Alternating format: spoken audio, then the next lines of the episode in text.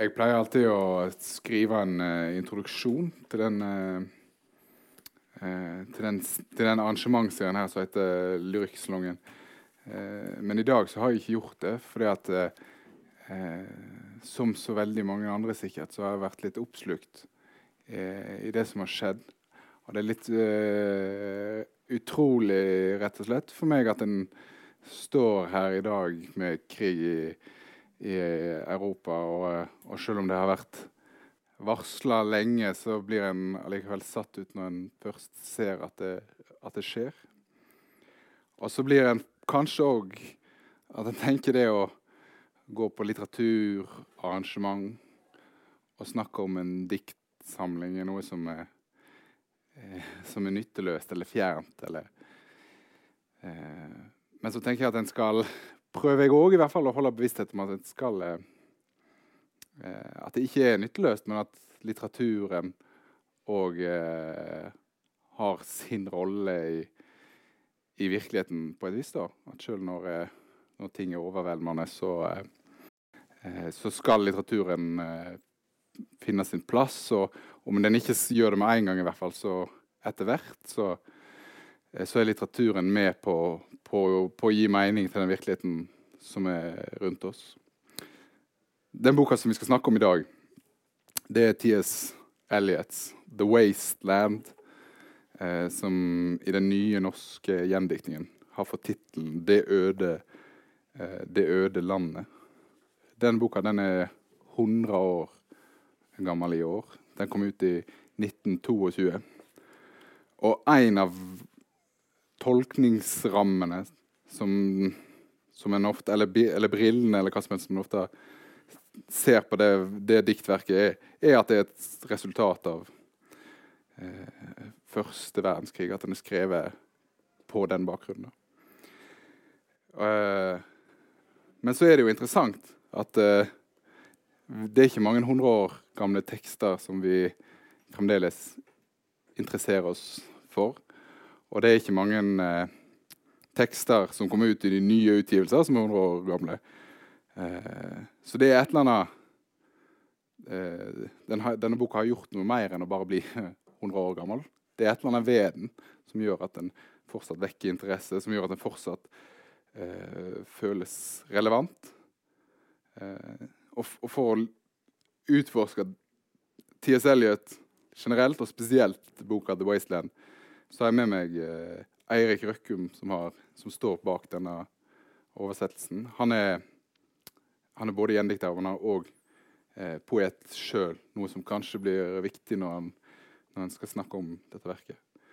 Eh, jeg heter eh, Fredrik Hagen, og jeg er veldig glad for å være tilbake etter to år med korona, der vi har prøvd og prøvd å ha arrangementer, men stadig har måttet avlyse. Eh, så en varm applaus til Eirik, og takk til alle som kom. Jeg er veldig glad for at du er her. Ja, jeg, kom jo akkurat egentlig berga meg gjennom koronaen sjøl. Eh, for to uker siden så var jeg smitta og begynte å lure på om det spøka for arrangementet, men eh, det kom av gårde. Det hadde vært business as usual hvis det hadde blitt utsatt. Men uh, før vi skal snakke om uh, både Elliot og The Wasteland-boka, så, eh, så, er det fint om vi får rett og slett høre litt eh, av din eh, gjendiktning. Ja. Så jeg lurte på om du kunne begynne med å, med å, lese litt. Ja, det kan jeg godt gjøre.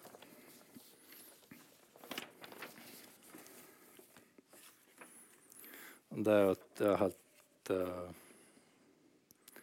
gresselig vanskelig dikt å lese opp uh, for alle som har lest det og skjønner hva egentlig diktet innebærer. For at uh, det er liksom en uh, skal vi kalle det en assembly eller en uh, mosaikk av ulike talere som har uh, liksom dramatiske monologer. Og skulle man gjort det riktig, så hadde man hatt en egen skuespiller for hver, hvert, hver strofe. liksom. Og ja, Man burde kunne synge opera, og man kunne italiensk og fransk og alt mulig. Jeg skal gjøre mitt uh, beste. Uh, jeg begynner med første Jeg leser den første delen, som heter gravlegginga av de døde. April er, april er den verste måneden. Bringe syrina fram fra det døde landet. Blande minner og begjær, vekke dovne røtter med vårregn. Vinteren holdt oss eh, varme. Hylla jorda inn i glemsom snø. Næra et lite liv med visne knoller. Sommeren, sommeren overraska oss. Den kom over Starnbergelse med et regnskyll. Vi venta i søylegangen og fortsatte så i solskinn til hoffgarden. Og drakk kaffe og prata en times tid. Bingar kein rushin stammer oss Litauen, ech. Og da jeg var barn og bodde i Erkerteguset, min fetterste, dro han meg med for ake. Og jeg var redd. Han sa 'Marie, Marie, hold deg fast', og så for vi ned i fjellheimen. Der føler man seg fri. Jeg leser mesteparten av natta og drar sørover om vinteren.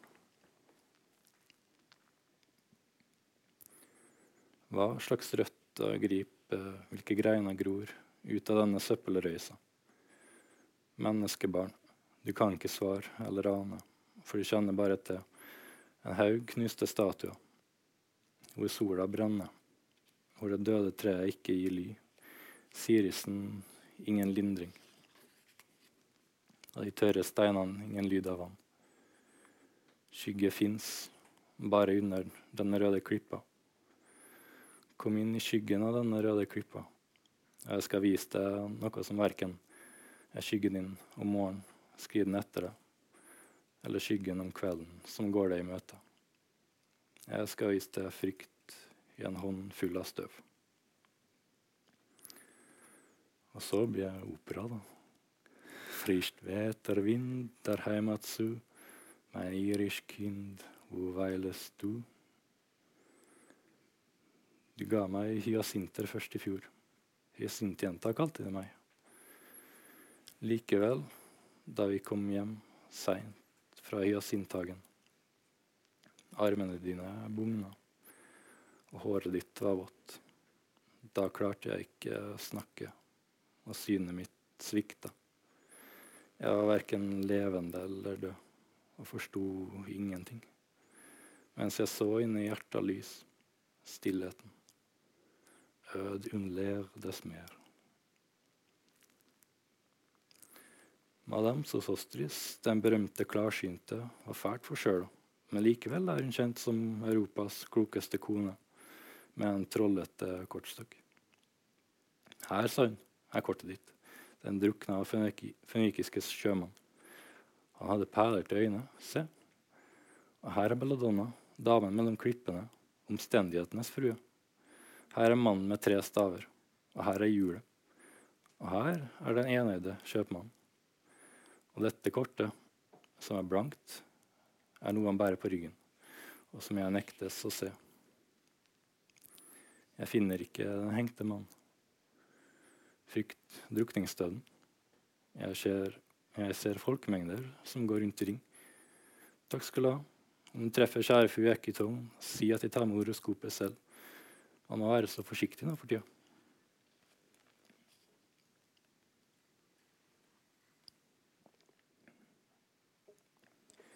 Uvirkelige City. Under en vinterdemrings brune skodde strømmet en mengde over London Bridge. Så mange. Jeg trodde ikke døden hadde krevd så mange. Sukk, korte og dirrende, hørtes iblant. Og hver mann så ned med blikket stivt, strømmet opp høyden og ned King William Street. Dit hvor St. Mary Walnut vokta timene, med en død klang da klokka siste gang slo ni. Der så jeg en jeg kjente, stoppa ham og ropte Stetson. Du som var hos meg på flåten med Myla. Det kadaveret du planta i hagen din i fjor, har det begynt å spire? Vil det blomstre i år? Eller har den brå frosten forstyrra likets søvn?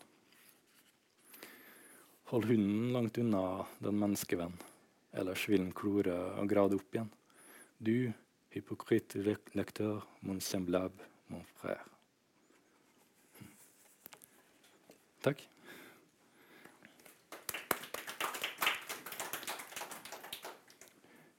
Eh, tusen takk for det, Erik. Det var rett og slett hele den første av fem deler av dette diktet. Ja.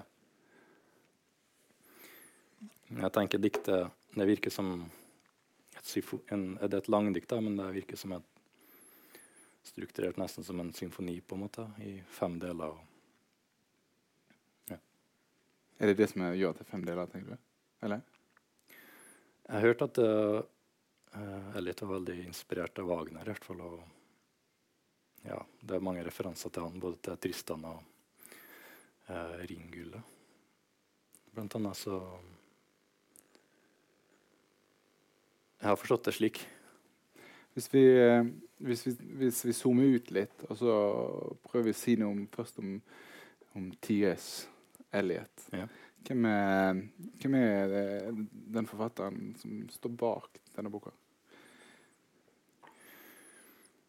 Han har på en måte betydd så masse, og uh, så mange som har et forhold til ham, at det er kanskje litt vanskelig å bestemme seg for hva man skal si først. Men eh, han var en amerikaner da, som kanskje er mest kjent for å ha flytta til England og blitt mer britisk enn britene sjøl, på en måte. Eller mer engelsk, da. Og,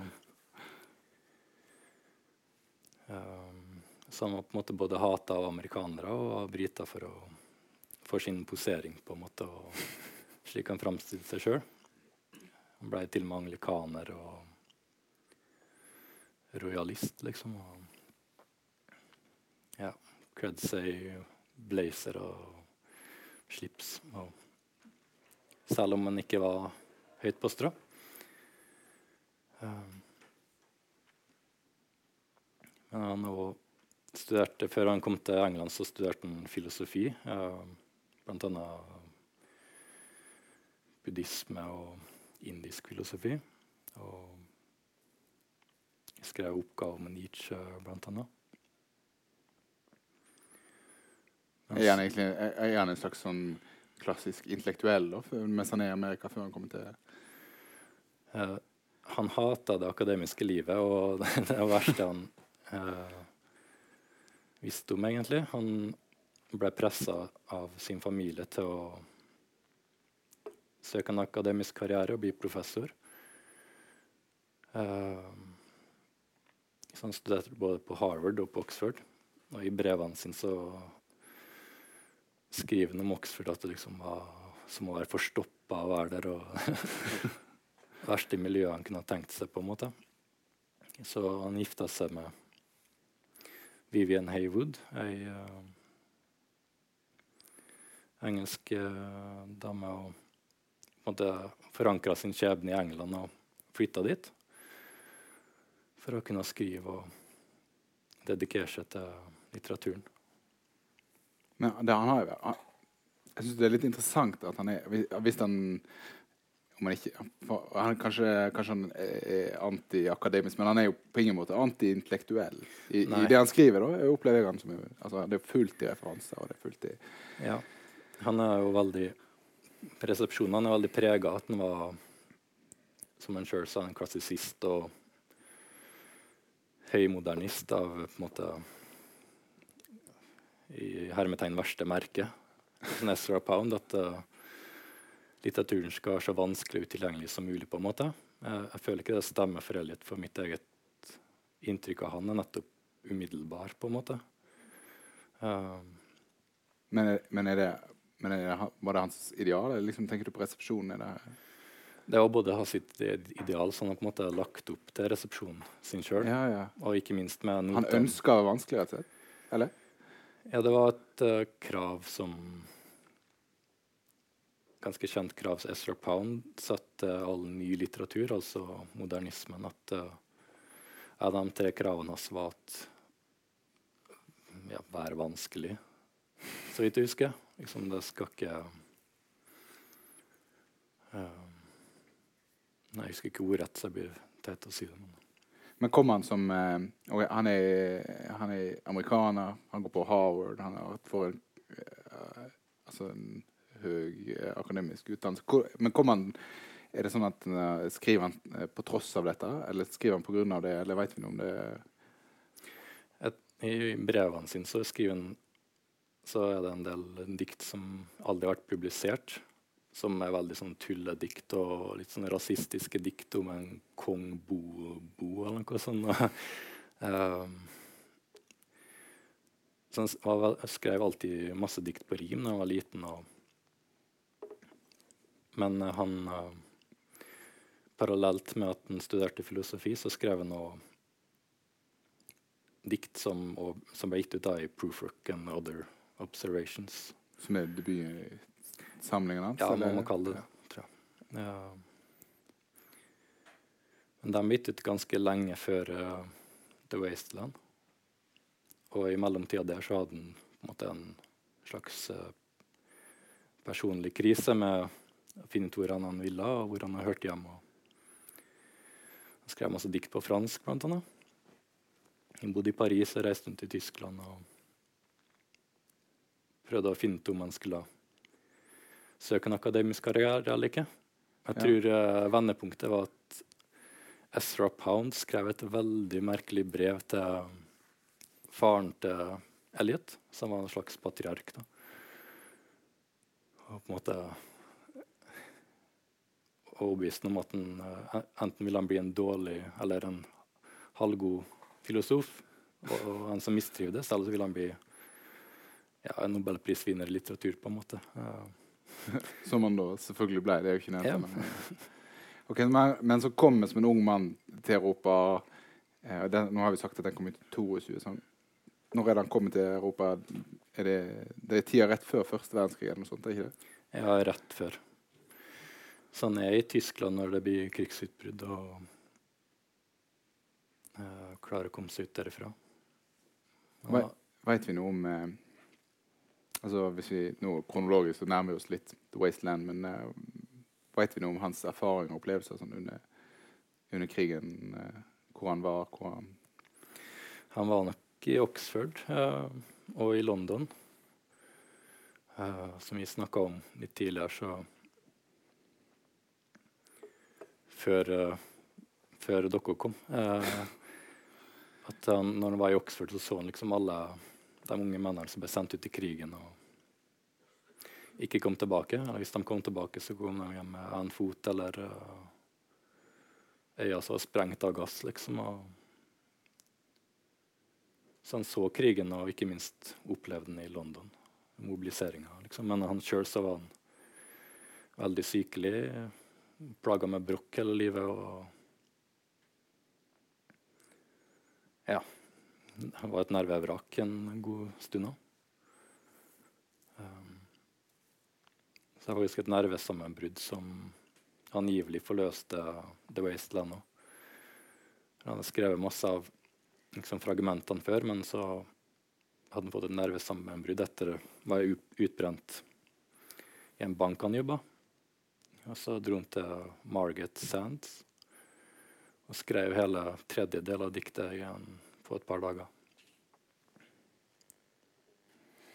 Er det eh, Kanskje vi skal ja, Vi forholder oss til planen. Vi tenkte vi skulle ta kronologien hans først, og så skal vi snakke litt om Wasteland etterpå. Mm. Hvordan er det når, i, for 100 år siden, når boka kommer, på en måte, og den er jo Til og med når jeg leser i dag altså den, den er jo, jeg, jeg, ja, Du sier den er veldig lett tilgjengelig. Jeg skjønner definitivt at den blir beskrevet som vanskelig. Da, selv om eh, Kanskje når, jeg hører deg lese den nå, så syns jeg det, høres, høres, det er veldig lett å følge med. Altså, når jeg sitter for teksten for seg sjøl, så, så fins det en del motstand der. Og, eh, men hvordan er eh, eh, resepsjonen når den kommer ut? Er det, for, er det liksom den, Får han med en gang den posisjonen den har fått senere? Den ble veldig kjent, iallfall veldig berykta med en gang. Jeg tror ikke det var så veldig mange som leste den, men uh, det er ikke så veldig mange som leser noen dikt som kommer. Ja. Den gjorde veldig stort inntrykk, og det er et poeng at den kom ut uh, iallfall et år, eller et halvår, før uh, det kom ut en versjon med noter òg. Så den kom ut i tidsskrift og i USA, tror jeg, uten noter først. Så de visste jo ingenting om uh, Ja. De fem sidene med referanser som man har lagt til. Uh, så de hadde vel en kanskje annen opplevelse av det. Jeg visste ikke om Gralslegendene, og de måtte liksom eh, finne alle svarene sjøl. Men eh, jeg må si òg at det var ikke Det var Estland jeg syns er lett. Det er mer Elliot som er på en måte Hva er det norske ordet for det? Liksom visceral. Liksom, man kjenner liksom i magen når man leser at det er så umiddelbart og direkte. på en måte, Veldig mm. billedlig. Så jeg, jeg, klarer å få noe ut av diktene hans uten på en måte å føle jeg må forstå dem. Vi har liksom opplært til at vi skal forstå alle dikt via ja, litteraturvitenskap, som jeg sjøl har studert, og ungdomsskolen, på en måte. Uh, at uh, dikt er en gåte som man skal liksom finne nøkkelen til. Men det er litt arbeid med å finne de svarene sjøl som er fruktbart med å lese. På en måte.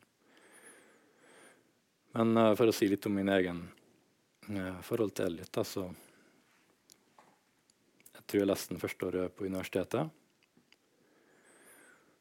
Og jeg kom ganske seint i gang egentlig med å lese annen fantasy. Så, men jeg arva plutselig veldig masse klassikere. Og da begynte jeg å lese, lese Moby Dick og andre ting. Men dikt hadde jeg egentlig bare lest André Bjerke og sånn, sånn søte dikt om høsten og på rim, liksom. Før jeg plutselig oppdaga Brewfrook og ble slått i bakken av det. Men, altså, altså, den første altså, den TSL-boka, er det er liksom ditt første ordentlige møte med, med dikt i det hele tatt? Uh, Bortsett fra Seriøst, ja, vil jeg si. Liksom som ja. seriøst voksen leser? Eller? Før det så ville jeg sjøl skrive roman, ja. på en måte. Og, men når jeg opp, oppdaga Elliot, så følte jeg at jeg oppdaga poesien òg.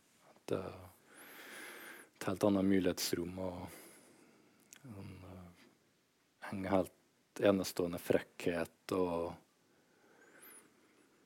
Ja, bare liksom Man leser, og så blir sjokkert heller enn bare smigra, holdt jeg på å si.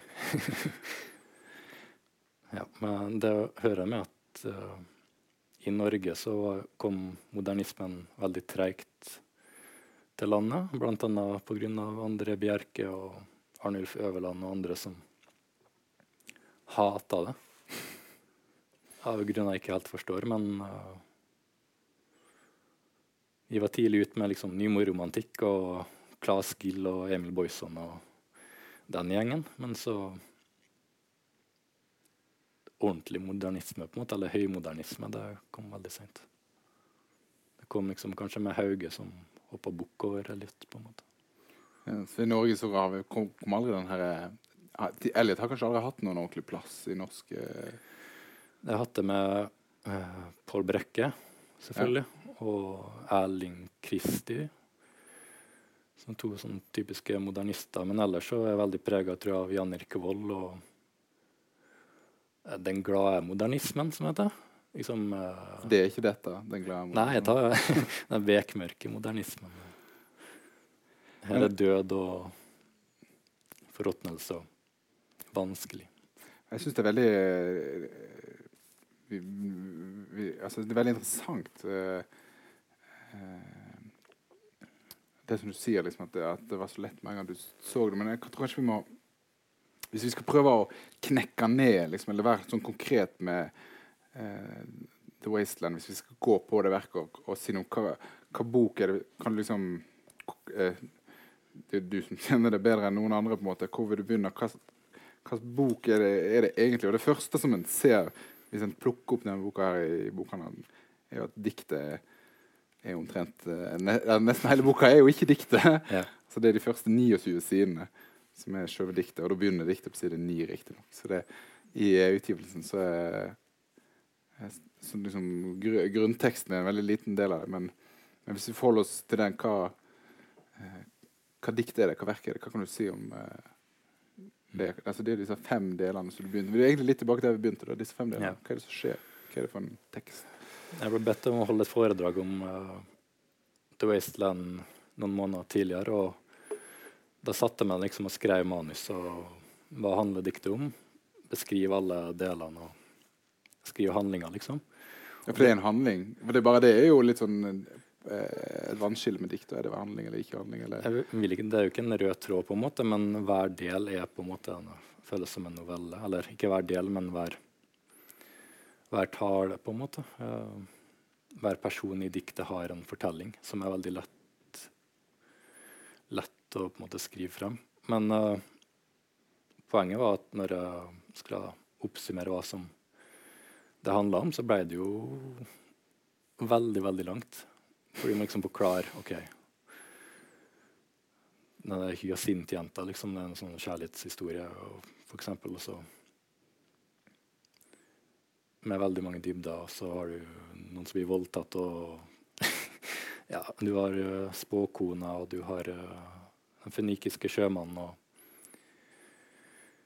Det er så mange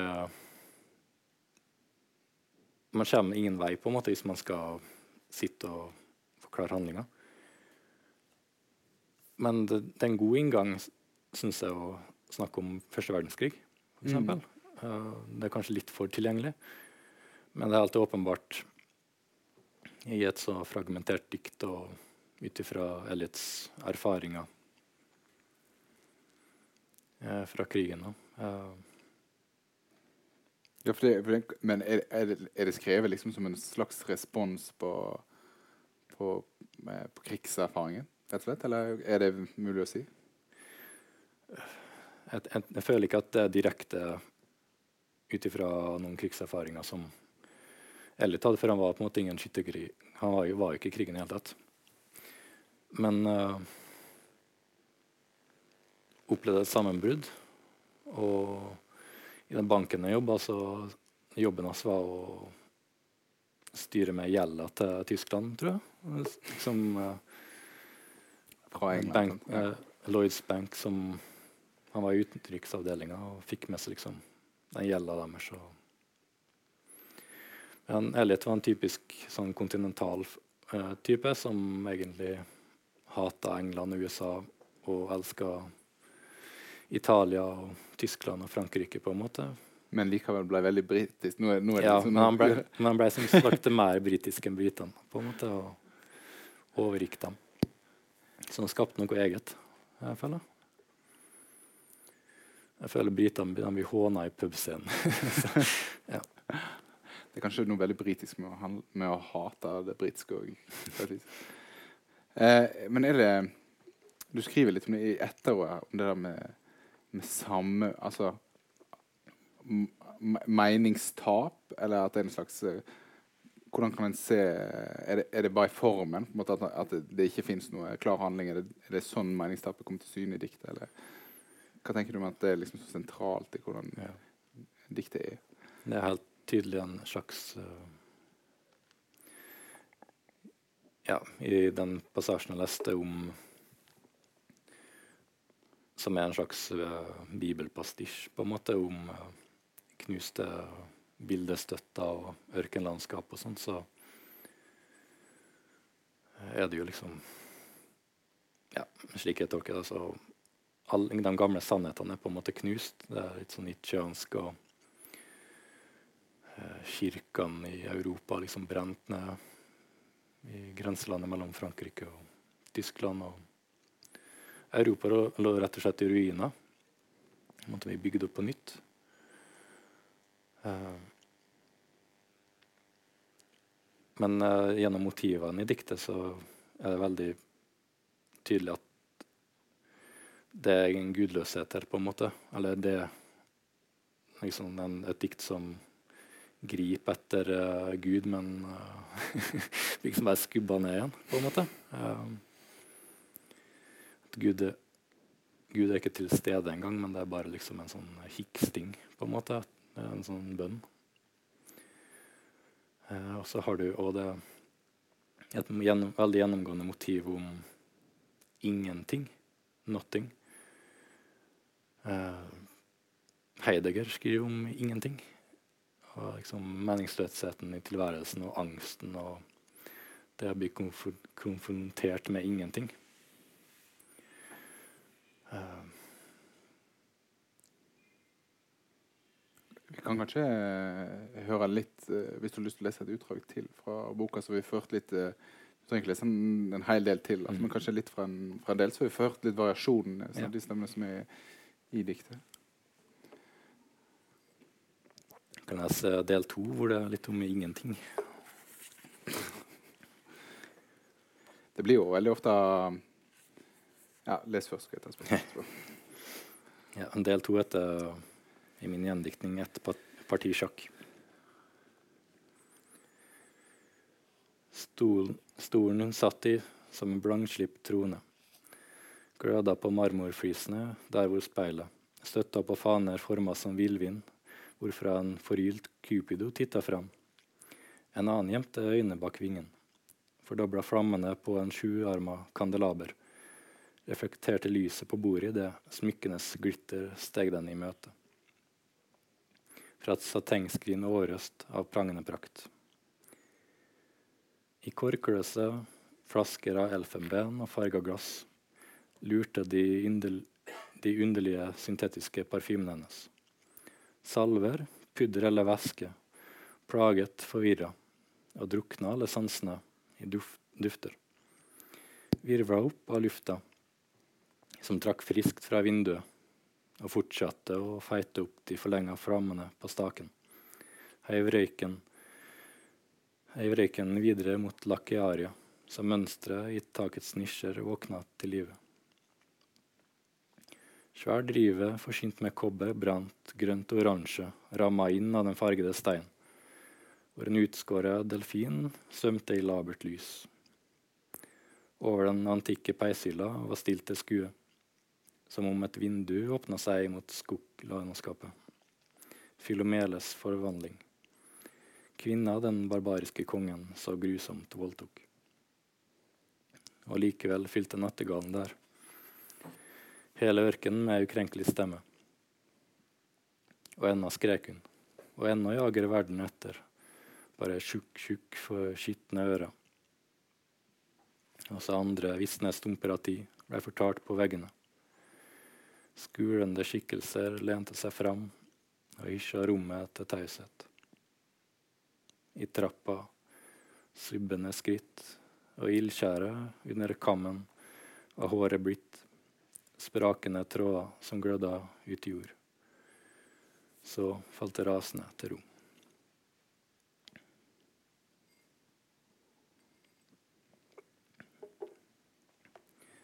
Nervene mine er ferdig i natt. Jeg er ferdig. Bli litt hos meg. Snakk med meg. Hvorfor snakker du aldri? Si noe. Hva tenker du på? Hvilke tanker? Hva? Jeg forstår aldri hva du tenker. Tenk. Tenker vi er i rotterenna, hvor de døde mista knoklene sine.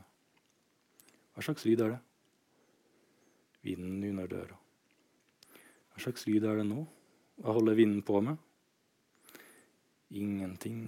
Igjen ingenting.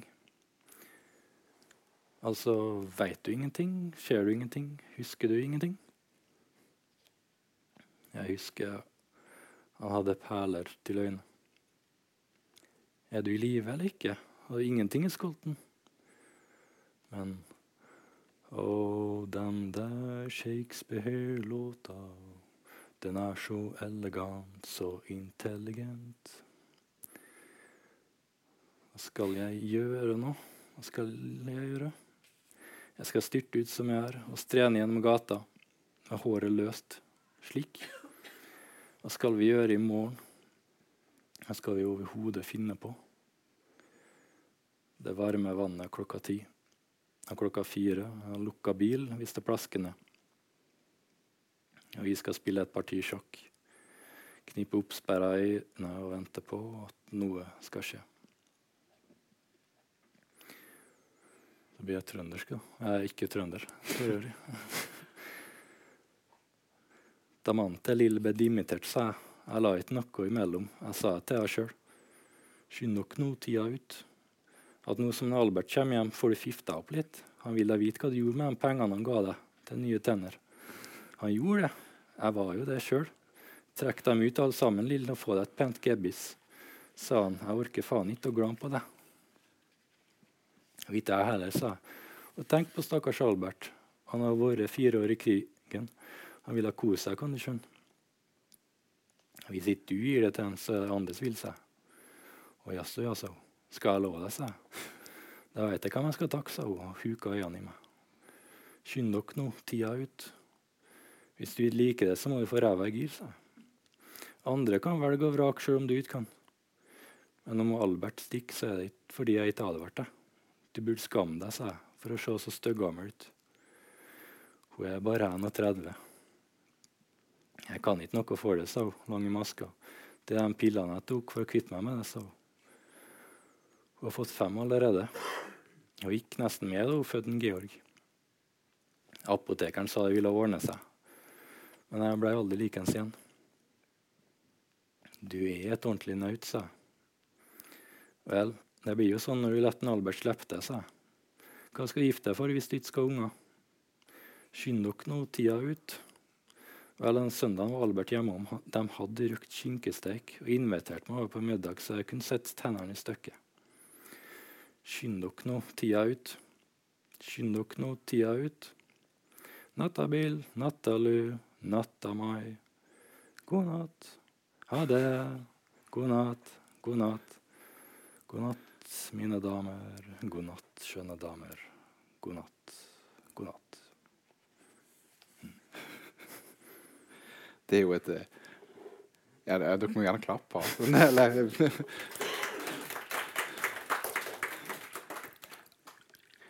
Eh, det er jo en veldig det er jo en veldig underlig og rar tekst, syns du ikke det? Altså, jeg syns det er veldig rart å eh, Takk, forresten. Det er, ikke, det er ikke så umiddelbart på en måte, hva, hva en skal få ut av det, eller hva en skal uh, Jeg syns det er så fascinerende. Du må si litt mer om det. det hvis en skal prøve liksom å eh, få tak på hva det gjør at denne teksten vedvarer altså Bak på teksten så står det rett og slett at det er det mest innflytelsesrike diktet mm. fra det 1900-tallet. Og det er sikkert ikke du som har eh, eh, Men hva innebærer den eh, å være det mest innflytelsesrike diktet? Eh, handler det om kvaliteten, eller handler det om hvem som tilfeldigvis plukker det opp etterpå? Eller, eller er det Kan du prøve å si noe om det? på en måte? Jeg tenker det med den påstanden, så man kan f.eks. si at i Norge så er det andre dikt som har hatt mer å si. F.eks. og lokalt sett andre steder. Men internasjonalt og på tross av alle landegrenser, på en måte, så klarer jeg ikke å komme på iallfall et enkelt dikt eller enkel bok. Jeg må si mange forfattere, men ingen enkel bok som er like innflytelsesrik. og jeg liker både Ja. Det er en bok som, selv om vi i Norge kanskje har vært litt trege på modernismeballen, håper jeg, så er det likevel Elliot en forfatter som har blitt diskutert, og som har hatt preg på måten folk har skrevet, rett og slett. Og for den metoden er litt strengt tatt oppfinne kanskje i The Wasteland, er en slags montasjeteknikk. Ja, det må du forklare litt. Ja, uh, uh, Pound gjør ganske det samme. Uh, hos Pound så virker det liksom som han driver en slags åndemaning, på en måte. Han, diktene hans er en monolog, en personlighet, en stemme gjerne langt tilbake i tid, på en måte, som man uh, levendegjør i diktet. Elliot gjør på en måte det samme, men uh, med tre lag ironi og enda mer direkte eller samtidig, på en måte. En sånn veldig rar blanding. Men selve montasjeteknikken er det å sitere fra litteratur og bruke andre kunstformer og måtte blande inn i det man før bare anså som ja, poeten, på en måte. At uh, Istedenfor den tydelige, eh, romantiske eh, ene stemmen, liksom? Ja. Så. Han, uh, Elliot hater romantikk. Uh, han skrev mange essay om det. Blant annet apropos André Bjerke og sånn. Han hata vel litt kanskje instinktivt fordi han var, kom fra Heinrich Heine, på en måte. Litt mer tysk romantikk. Men uh, Nei, men det er nettopp det at det er så flerstemt og veldig mange ulike karakterer på en måte som kommer til ordet og motarbeider hverandre og utfyller hverandre og motsier hverandre, liksom. Det er veldig fruktbart å lese det. og ja, jeg, jeg, jeg synes det er så fint bilde med du som roter opp i en kasse med med gamle klassikere, og, så finner du tilfeldighet, og så blir du poet når du er ferdig. liksom Kommer ut, kom ut, av kassen igjen. Men skjønner, altså er det, er det Og du sier det umiddelbart, men f.eks. det med alle, at det er masse stemmer. Det er jo ikke, altså det er jo ikke dramatikk. Det ja. står jo ikke 'Lisa sier sånn'. Så, men kobler du Er det nødvendig å liksom, få tak på alle de tingene? Er det, eh, og ikke minst alle de referansene. Det som du sier, det kommer ut verk kom ut uten fotnoter først, og så kom det mm. med fotnoter. Og, hvor viktig er det liksom å ha eh, den kulturelle kapitalen som dikt egentlig krever? da? Altså Hvor viktig ja. er den for å, for å få noe glede ut av eh, teksten, tenker du? En litt rar anekdote, kanskje, men jeg kommer fra et lite sted som heter Averøya eh, på Nordmøre. Og pga. mine foreldre så har de pusha boka til folk som bor der, og fått dem til å bestille den på nett. og og når jeg har vært hjemme da, på sånn, og drukket kaffe, så har det kommet Anne-Marit eller Liv-Marit eller uh, Svein Arne eller uh, Bjørg Anne. Og de forstår ikke diktet, men de leser det likevel, og de sjekker notene. og Det forundrer meg på en måte og gleder meg veldig at de har føler de har funnet svar i notene. Mm. Mine, på en måte. at... Uh, de skrev ikke med den, det til hensikt heller. Men her er folk som aldri har lest dikt på 20 år, og iallfall ikke engelsk. Satte seg ned med en bok og fått utbytte av det, liksom. Og, og ikke minst med liksom, tidenes aller vanskeligste engelskspråklige dikt, på en måte. Jeg føler sjøl at The den er en slags langfinger til leseren med å være så intertekstuell. Og, ja, han sier rett og slett sjøl i der, uh, passasjen jeg leste opp med Filomele og liksom Det er bare tjukk-tjukk i skitne ører, på en måte. Så poenget hans er at de gamle mytene og ja, kulturell kapital, da, det fins ikke lenger. Uh, folk er vulgære og kan ikke sine myter. og liksom mytene altså Snobberi, egentlig? da? En slags uh, snobbete På en måte. Eller på en måte. Det. Ja, det, han var en snobb, men uh, Men tror du at en del av den innflytelsen er òg at diktet uh, som de i hvert fall liker å forestille seg hadde en slags folkelig dimensjon en gang at det fjerner seg enda mer fra, eh, fra den, eh, den, leser som ikke på måte er ekstra på hugget etter å, utforske diktet som sjanger. eller mm. at, at, det er også en del av den innflytelsen som dette diktet har hatt. og rett og slett at det, det har blitt litt den fremmede, merkelige sjangeren som vi har i dag. Ja, poesien. Poesien, ja. ja.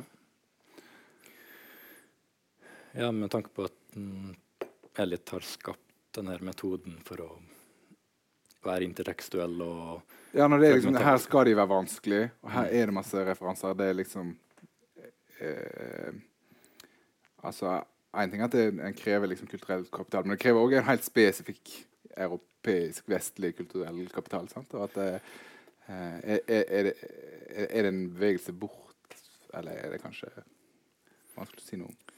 I forhold til det prosjektet til André Bjerke, da, som mm. er altså som eh, Dikt til konfirmasjon? Ja, rett og slett. da, ja.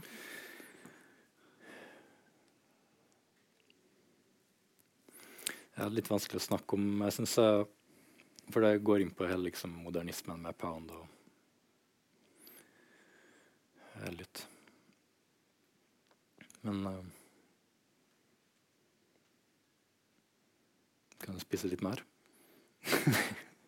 Nei, jeg bare tenker, altså, hva, den, hva innebærer faktisk den innflytelsen? Én ting er den eh, montasjesjangeren, flerstemthet og liksom bruddet med Ja. romantikken. Det er noe det kan en se, men, men om ikke det kommer med en slags bismak òg, på en måte at det, eh, Altså, det vanskelige diktet er jo en glede når en kommer inn i det òg, men det er jo- òg eh, Ja.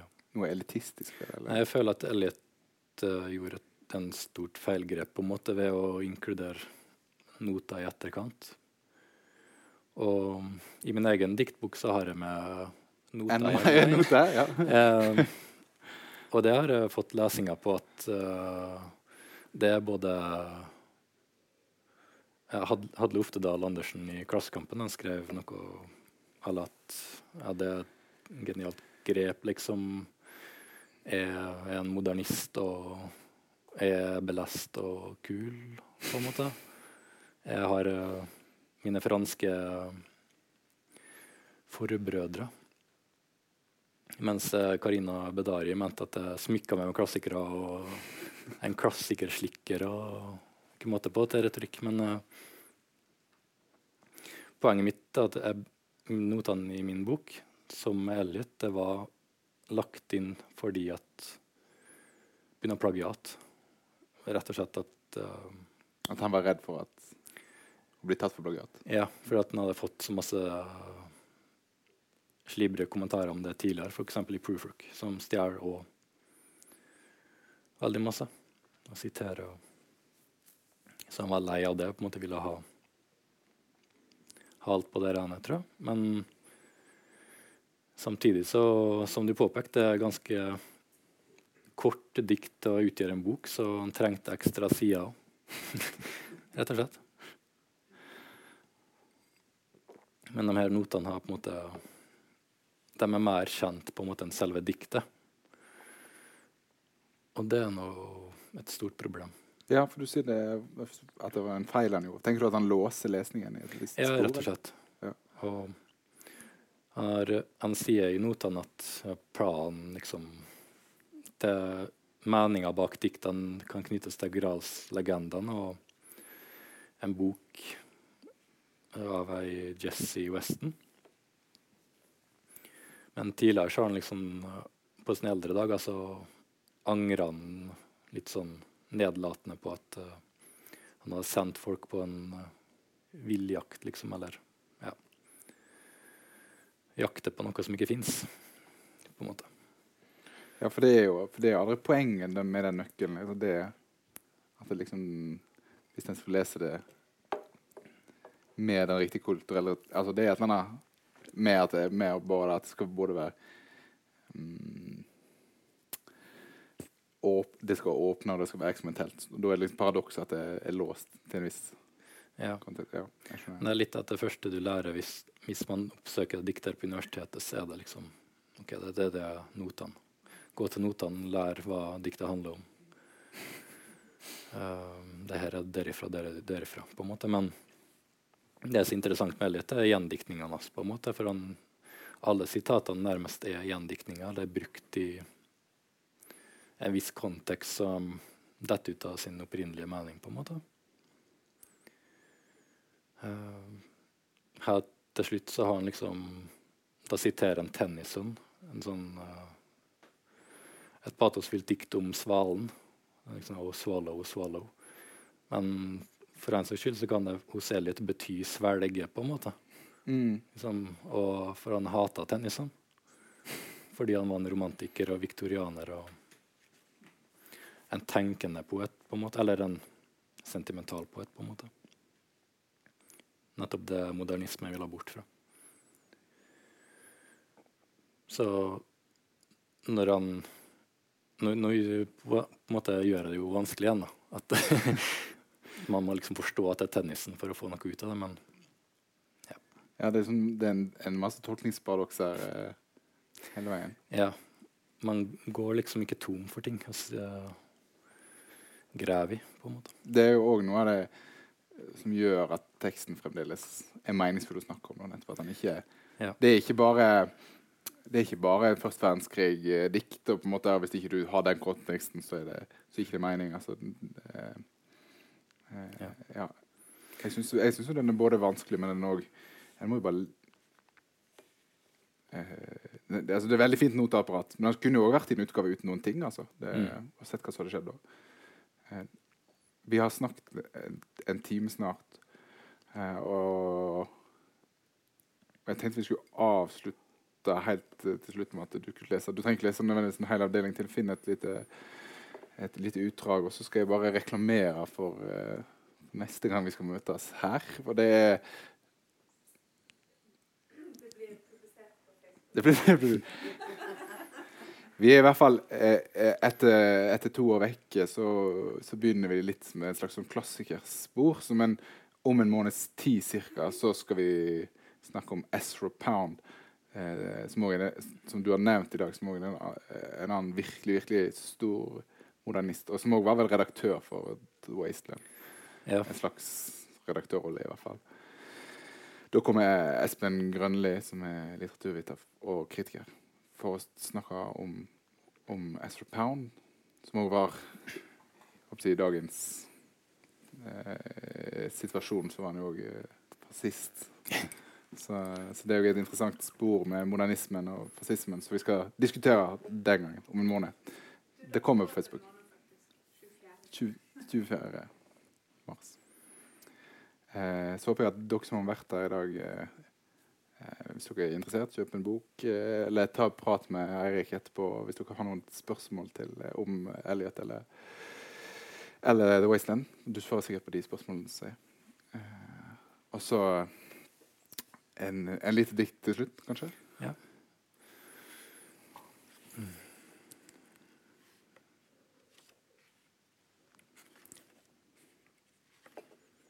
Beklager, om at liksom klippa i Elliot. Men han klipper jo ja, så det, kan jeg klippe i han, tenker jeg. Og så må vi bare Det er interessant å bare hoppe rundt omkring. Jeg kan ta første delen av siste del.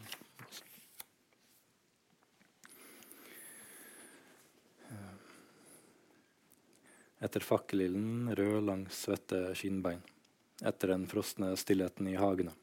Etter pinslene på steder av stein gaulinga og gråten, fangehull og palass og etterdønninger av vårlig torden over fjerne fjell.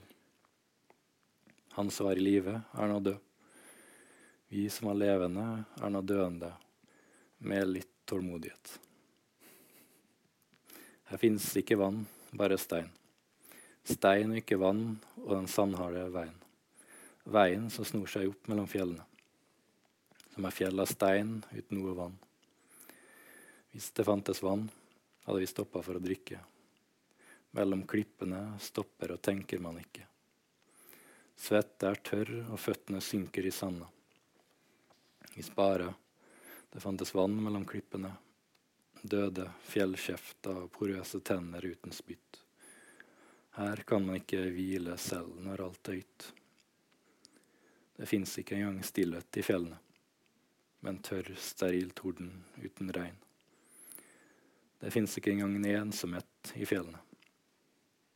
Men dystre, røde ansikt snapper og snerrer fra gluggene i sprukne leirhytter. Hvis det fantes vann, og ingen stein, hvis det var stein, også vann, og vann, en kilde, en dam mellom klippene. Hvis det var lyden av vann bare, ikke sikadene og vissent syngende gress, men lyd av vann over en klippe. Hvor eremittskogtrosten synger i furutrærne. Drypp, drypp, drypp, drypp, drypp, drypp, drypp. Men det fins ikke vann. Takk for meg. Tusen takk. Og tusen takk til dere som kom. Jeg håper vi, vi ses igjen. Vel heim.